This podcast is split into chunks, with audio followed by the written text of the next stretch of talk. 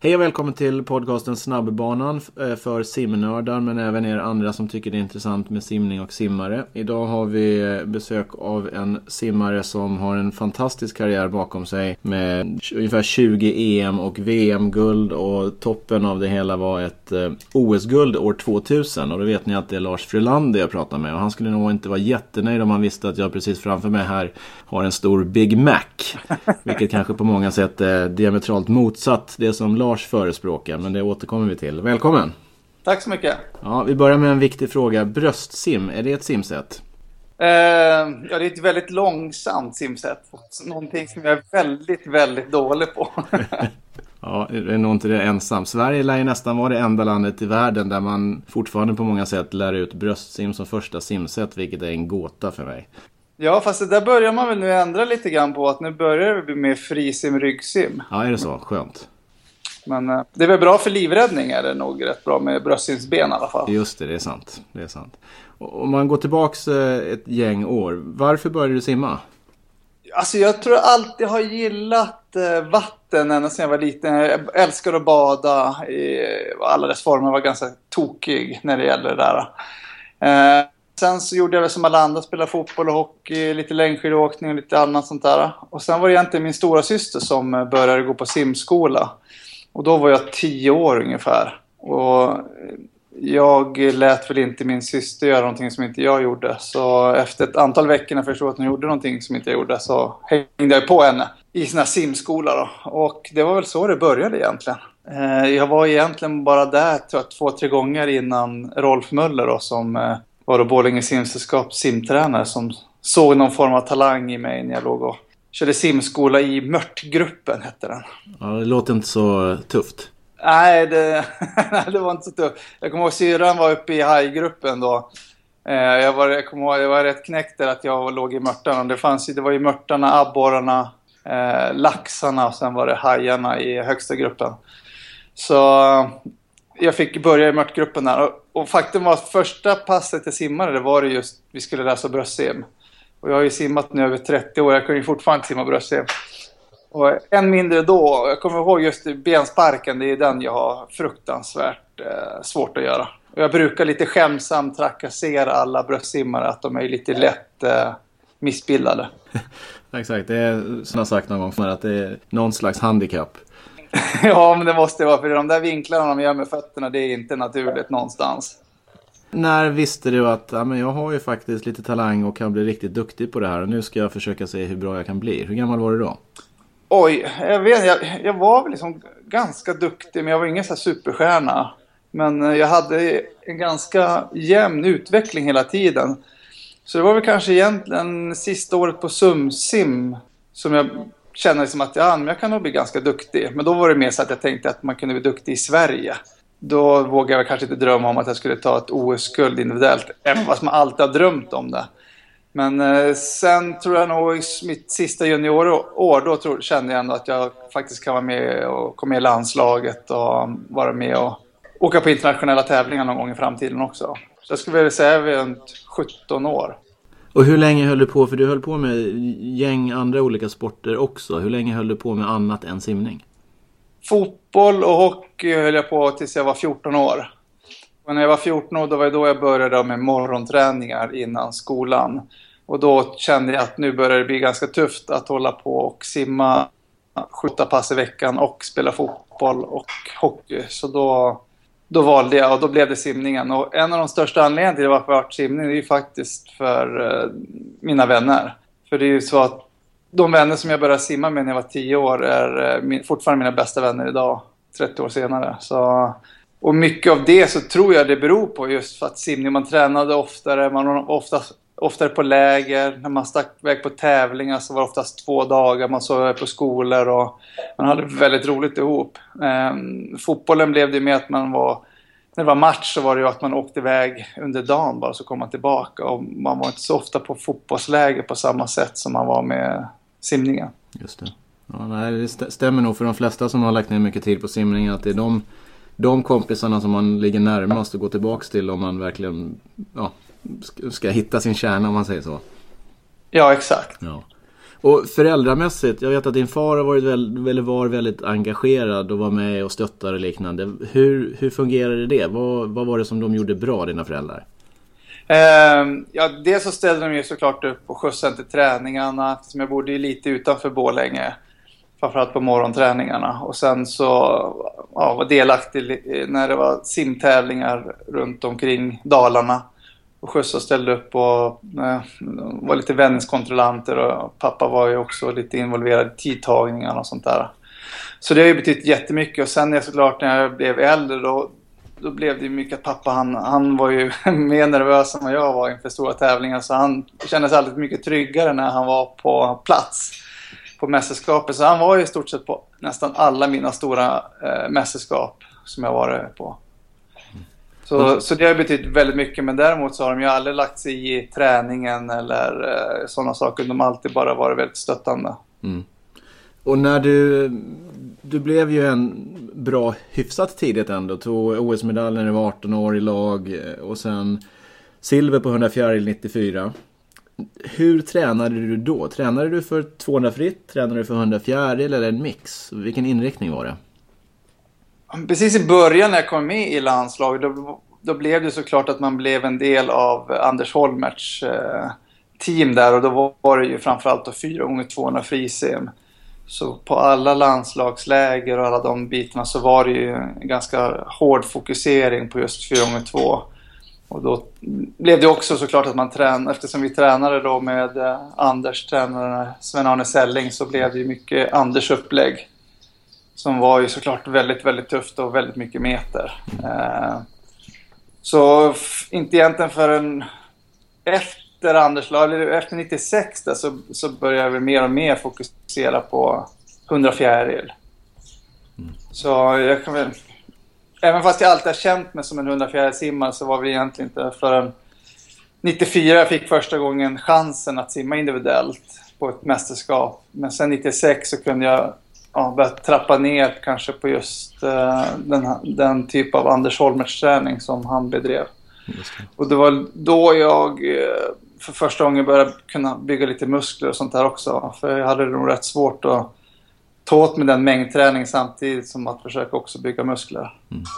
Tror du att du hade blivit eh, ännu bättre om du hade börjat specialisera dig och gjort en annorlunda träning tidigare? Eller tror du att det var ändå viktigt att ha den här lite gnetbasen?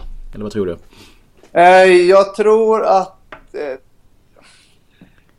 hade jag gjort om min karriär så hade den såklart sett väldigt annorlunda ut även på den tiden. Jag hade ju aldrig kört så där mycket meter och så ofta. Eh, utan jag hade nog eh, lagt in mer viloperioder också. Det var ju även ganska populärt där i början på 90 också att man skulle vara nedkörd. Det var positivt. Eh, helst så skulle man knappa simkunden under säsongen och, och så riktigt ser det inte ut nu. Och mycket av det så skulle jag nog behövt lägga in mer. Men andra sidan så fick jag ju mina återhämtningsveckor när jag var sjuk och jag var ju sjuk ganska mycket. Men det är kanske inte den mest optimala vilan. Exakt, påtvingad vila. ja. Mm. Och om man, om man pratar kort om, om, din sjukdom. Du identifierade sen att, att det var mycket kosten som var orsaken till att du sen var mer mottaglig för infektioner och du har ändrat om ordentligt på den senaste, nu är det väl nästan 20 år, 15 år i alla fall. Ja, så är det ju. Ja. Absolut. Nej jag, nej, jag har förstått idag man blir vad man äter och kosten betyder otroligt mycket. Eh, och eh, jag åt inte väl kanske så speciellt bra. Eller jag åt kanske inte egentligen heller så mycket annorlunda utan många andra men eh, med tanke på det man, man körde och sen så var det så när jag var liten så har jag haft mycket infektioner med öron och sådana saker så jag käkar ju väldigt mycket penicillin. Och det är väl kanske inte heller det bästa när man ska försöka bygga upp en frisk och stark kropp heller. För man bryter ju ner även mycket av de bra sakerna också. Så det gjorde ju att jag hade en ganska dålig grund redan från början. Vilket gjorde att det var väldigt, väldigt känsligt till saker och ting. Mm. Och, och, och, för mig, alltså... Men har det varit väldigt mycket när om, om, om en, magen fungerar så har man oftast en väldigt stark immunförsvar och plockade bort då både mjölk och vete så vart det ju som en, eh, en riktig eh, skjuts med energin och min hälsa stack iväg väldigt mycket. På, mycket bra, på många bra sätt då. Ja. Och du har pratat en hel del, fortfarande väl om, om mer en basisk balans är väl till stor del grunden, stämmer det? Ja, det är väl precis. För jag är väl mer, alltså mer plantbaserat, att äta väldigt mycket grönt. Eh, och det är också såklart mer basbildande för kroppen också och innehåller väldigt mycket och belastar inte kroppen så mycket. Och sen försöker jag liksom verkligen plocka bort de här sakerna som skapar väldigt mycket inflammatoriska processer och det är ju framförallt mjölk och vete. Det är ju ingenting som någon människa enligt mig ska stoppa i sig. Och de som har faktiskt vågat prova att ta bort det till 100% ett antal veckor, de går ju inte gärna tillbaka för de, de märker själva vilken otrolig energikick de får. Och framförallt att de märker att eh, väldigt mycket mindre sjuka. Mm. Så jag gick ifrån att vara i snitt sjuk mellan 10 till 15 veckor per år under i stort sett hela 90-talet. Eh, och sen då mitt OS-år 2000 så var jag sjuk tre veckor och sen 2005 så har jag haft 11 eller 12 sjukdagar. Så, så jag har förstått att, och det enda jag egentligen ändrar på det är ju verkligen kosten som jag som jag gjorde. Och 2000, 2001, 2002 då tränade jag riktigt, riktigt hårt också. Hårdare än jag hade gjort någonsin. Så jag, eh, jag märkte också när jag började väl tanka rätt saker så återhämtade jag mig snabbare och orkade mer. Och det är väl det jag hade önskat. Jag hade kanske haft den kunskapen. Ja, tidigare. Tidigare. Ja.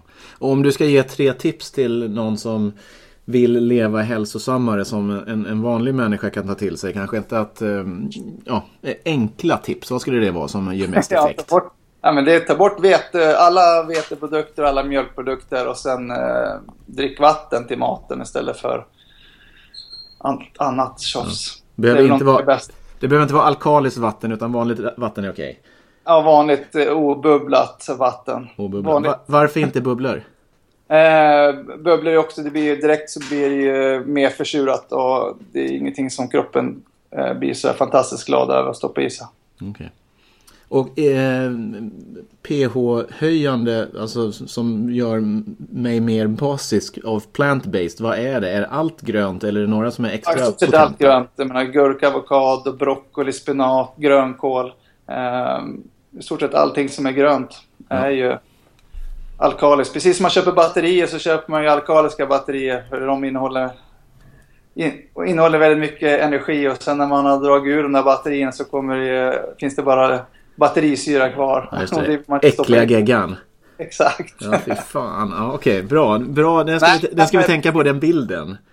Egentligen så är det ju, men alltså, eh, plantor är ju de enda egentligen som kan binda solenergi och det är ju egentligen är ju lagrar energi i stort sett i, i, i växter och det är det alla växtätarna äter. Det. Eh, och det är där vi har de bästa energikällorna egentligen och de mest hälsosamma ja. som faktiskt kroppen mår bäst utav. Och det är ju sällan man hör att det är dåligt att käka för mycket broccoli och spinat och grönkål. eh, eh, det är ju mer sånt vi behöver stoppa i oss. Ja. Sant. Hur jobbigt är det för dig att eh, Coca-Cola är sponsor till simförbundet? Jag tycker det är absolut inget bra varumärke för eh, sport överhuvudtaget. Och jag vet också att det var mycket snack inför London OS 2012 huruvida McDonalds och Coca-Cola ska få, få fortsätta vara huvudsponsor till världens största idrottsevenemang. Mm. Och de här uh, skräpmatsbolagen står ju Eh, så långt ifrån optimal hälsa man kan komma. Så jag tycker inte att de hör hemma inom idrotten Nej. överhuvudtaget. Nej. Mm. Klart och tydligt. Om man hoppar tillbaka lite på, din, på 90-talet när du åkte till USA. Eh, varför åkte du till USA för att plugga och simma? Ja, dels så var det såklart, jag gick ju skolan då i Borlänge gymnasiet och så var det lite grann eh, vad jag skulle göra nu. Och så var jag hemma och satsade ett, ett år ungefär på hemmaplan. Men sen så stack ju då Ulf Kaustner, vår tränare, iväg. Eh, och några började då kika över också lite grann då, just på USA. Och sen hade jag ju några landslagskamrater också som hade åkt över till eh, USA i juniorlandslaget. Som började också då ringa och tycka liksom att jag skulle komma över och testa lite grann. Mm. Och det där tyckte jag ju lät ganska intressant så jag, jag, jag tyckte jag självklart ska prova på det.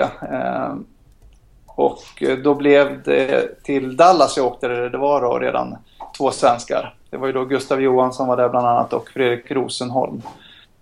Och sen åkte jag dit och sen har det ju varit ganska många svenskar till Dallas. Och jag trivdes väldigt, väldigt bra och jag känner att man fick eh, lära sig väldigt mycket nytt också. Och det var ju där det blev lite mer fokus på landträning och mer explosiviteten som, som jag kände att eh, jag utvecklas mest utav. Mm. Och vem skulle du säga det passar som, om man är simmare och vill ha en utbildning, vilket eh, vi tycker är bra. Vem passar det att åka till USA och kombinera simning? Är det någon speciellt för eller någon det inte gör det? Nej, jag tycker det passar nog alla, men det är som också, det är mycket det att man ska hamna på rätt skola. Eh, att man har en coach som, som man kan ha en dialog med och, och eh, funkar med, med ens egen filosofi och sådär också. Så det är jag tror inte det finns något konkret recept för alla. Men eh, det är ju det som är så bra att det är så många svenskar som så man kan ju alltid ta kontakt med dem och få väldigt mycket bra information hur varje skola lite grann fungerar, hur träningen ser ut och sådär också. Men det som är det är att det är väldigt mer, lite mer professionellt där borta också. De har så otroliga mer resurser än, än många klubbar här hemma har. Så på så sätt så får man ju men de flesta skolor har ju en 50 meters bassäng inomhus och eh, en 25 de har ett stort eget gym och eh, bra möjligheter.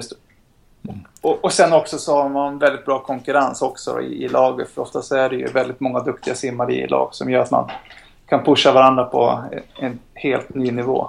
Ja. Vi, vi rekommenderar alltså att åka till USA för att få en utbildning och, och bra träning. Ja, jag tycker i alla fall man kan ju prova. Sen om man inte gillar så kan man åka hem efter tre månader eller sex Precis. månader. Ja. ja, det, är inget, det är inget livsval man behöver göra. Exakt. Nej. Vi bryter för ett litet konsumenttips. Dagens tips är att åka på träningsläger och då ska ni kanske åka till ett varmare ställe än det normalt är i Sverige på den mörka delen av året. Då kan ni åka till Thailand, till Tanjapura, eller ni kan åka till Fuerteventura, det är ganska nära, och stället heter Pleitas. Superbra träningsmöjligheter, jättebra väder och en riktigt fin pool så att du kan simma fortare än någonsin förut. Gå in på apollo.se, sök upp Apollo Sports och leta upp Playtas. Åk dit och träna när det är tråkigt väder i Sverige. Nu tillbaks till Lasse Frölander. Du, du har simmat väldigt mycket internationellt. Hur stort problem tror du att doping är inom simning? Oj, vilken svår fråga. Ja. Uh... Du kan fråga mig. Jag tror det är ett jättestort problem. Ja, ja det, det har man ju uppenbarligen. Speciellt nu de sista åren här så börjar man återigen bli som, lite trött på att tro att, att man har fått bukt för det mesta. Men uppenbarligen så är det ju inte så. Men jag tyckte väl fram till 94 där, då var det väl kanske inte allt för svårt för folk som ville fuska att göra det när man inte hade de här uh, out of competition uh, testerna. Ja. Som jag tycker, det är ju de, de testerna som är de absolut viktigaste testerna. Eh, på tävlingarna så är det ju väldigt få som åker dit. Ja. Utan det ska ju vara de här eh, just oanmälda testerna. Ehm, och någonstans efter 94 så kände jag liksom att det är nog väldigt svårt för eh, simmare i alla fall att hålla på och hobbydopa sig. Utan då måste man mer eller mindre ha någon form av läkarteam bakom sig som lite grann vet vad man håller på med. Mm. Och då börjar det bli mer organiserat. Mm.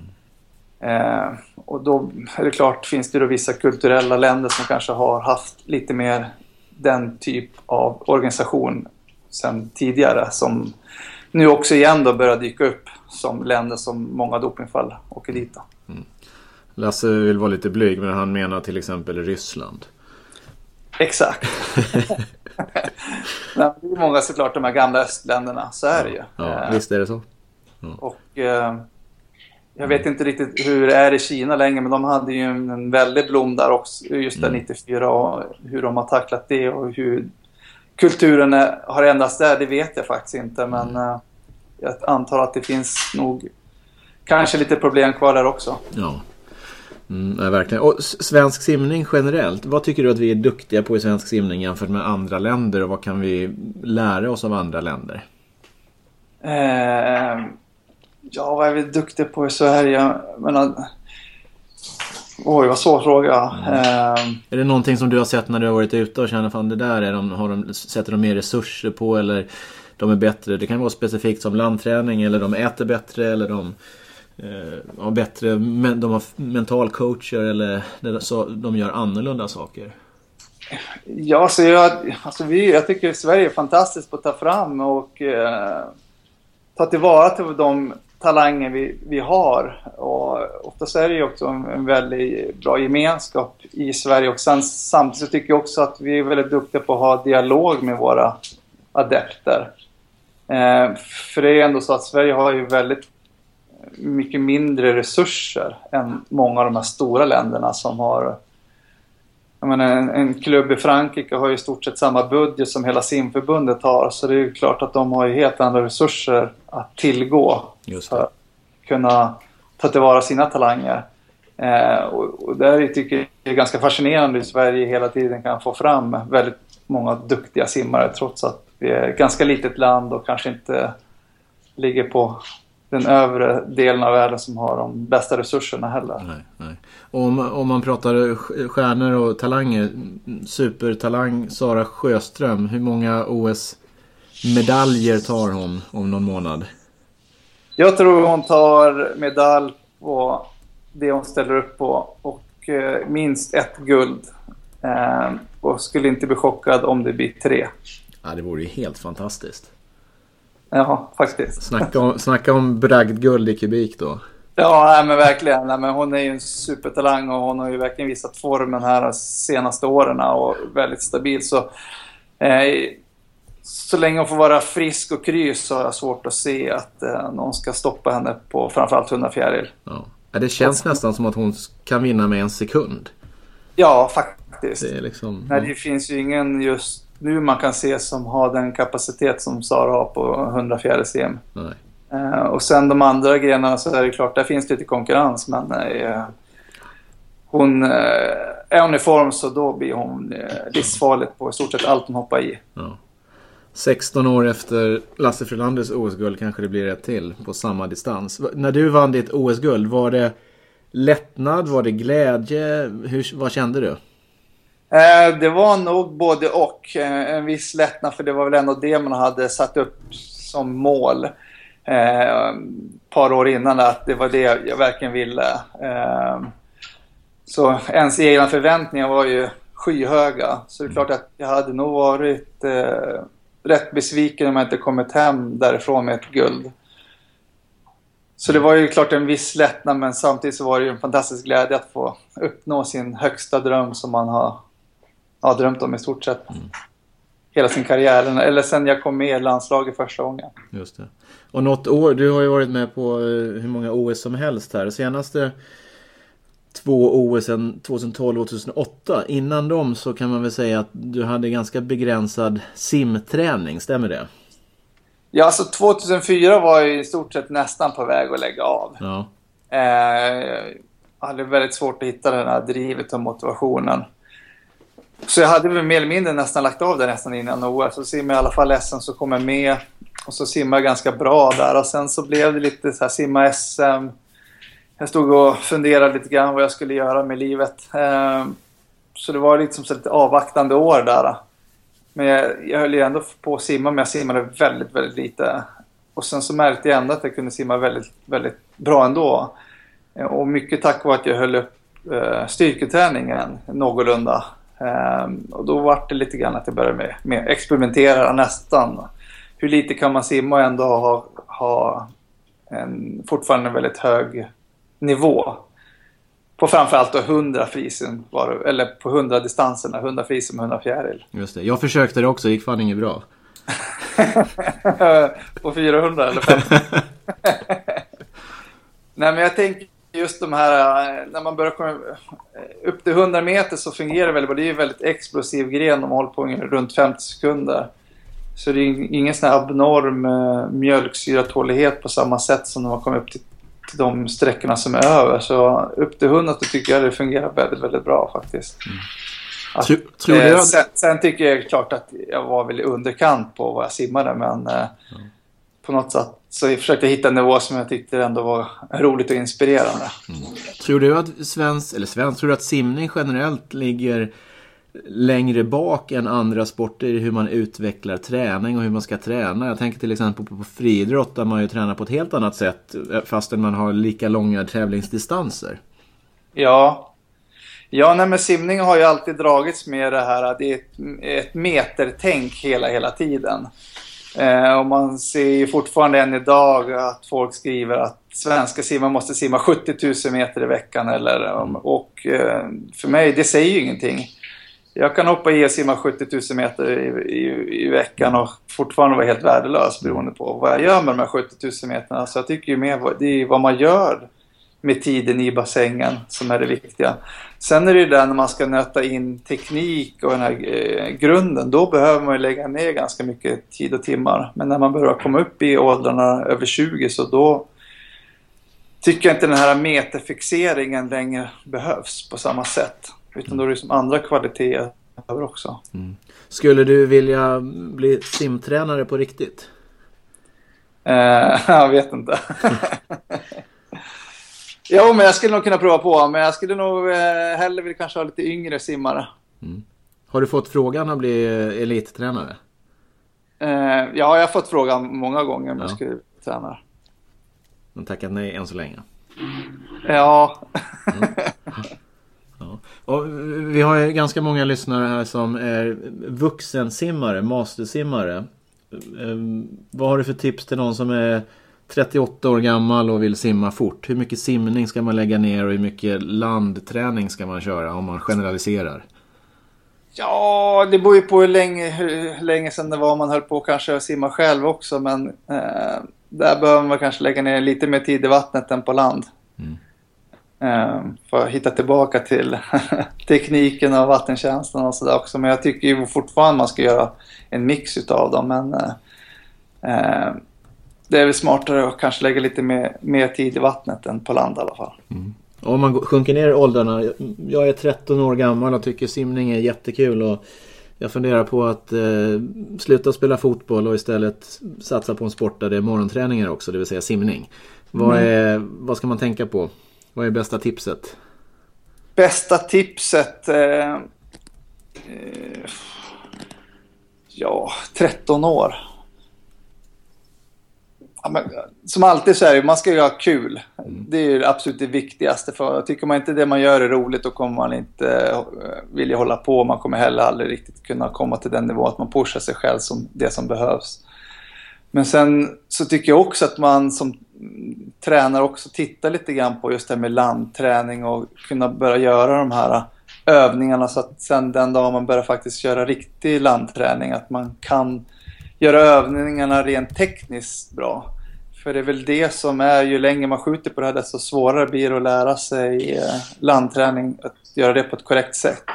Och det är då skadrisken ökar något abnormt. Mm. Så det är, väl, det är väl det jag tycker att man ska eh, också fokusera lite grann på. Just än bara nöta i, i vattnet. Mm. Lite simspecifika frågor om man ska åka utomlands på läger. Du har varit utomlands på massa olika ställen. Har du någon favoritlägerställe? Eh, jag älskade ju Kapstaden i Sydafrika när vi åkte dit på vintrarna. Dels så kommer man ifrån det här mörk, mörka Sverige och kalla. Och så kommer man ner till Sydafrika då där det är sommar. Eh, du har eh, i stort sett ingen tidsskillnad. Är en timme tror jag till Pretoria. Mm. Eh, och där är också lite, lite hög höjd. Eh, 1400 meter tror jag. Så det är ganska så här lagomt. Och sen så finns allting på samma ställe.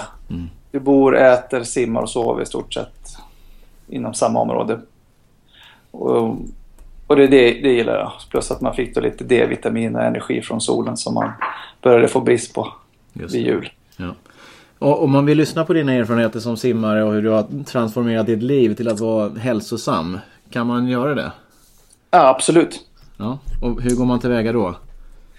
Ja, det äh, skickar man ett mail till mig äh, på antingen lassefrolander.hotmail.com eller lasse.championscrew.com Så äh, brukar det alltid kunna gå att ordna en Bra, föreläsning. Då rekommenderar vi det. Simregler har lyssnat och var väldigt nöjda. Ja, bra. Vem, eh, om vi ska intervjua någon i den här podcasten, kan du rekommendera någon? Eh, ja, Anders Holmertz. Ja, han är på listan så det kommer ni snart att få lyssna på. Mm. Eh, är det någon fråga som jag har missat som du känner att du har förberett dig på extra noga? Nej, jag har inte förberett mig på så många specifika frågor faktiskt. Sim, simträningsmässigt, USRPT, har du tittat någonting på det? Nej, det har jag faktiskt inte. Nej, det borde fasen passa dig alltså. Ja, jag ska kolla in. Ja, Ultra Short Race Pace Training. Ja, det gillar vi. Ja, en, del ja. Bra, Lasse Frölander, tack så jättemycket. Ja, tack själv. Då tackar vi Lasse Frölander för den här pratstunden. Fantastiskt spännande och otroligt imponerande med så många OS-deltagande och ett OS-guld som grädde på moset. Lasse simmar fortfarande och det borde du också göra. Simma snyggast och bäst gör du såklart i Tyr. Gå in på tyrsverige.se och shoppa loss nu innan sommarsäsongen. Du får dessutom 15% rabatt om du anger koden Friends of Ola. 15% rabatt när du shoppar loss på tyrsverige.se. Du tycker om att bli smart, eller hur? Smartast blir man om man läser böcker. Du får läsa hur många böcker du vill digitalt och du kan lyssna på dem också genom nextstory.se. N-E-X-T O-R-Y, nextstory.se. Gå dit, signa upp dig 14 dagar helt gratis, ladda ner appen och börja läsa och lyssna som tusan. Det kostar inte en spänn. Det var dagens väldigt bra tips från snabbbanan. Tack och vi hörs nästa vecka.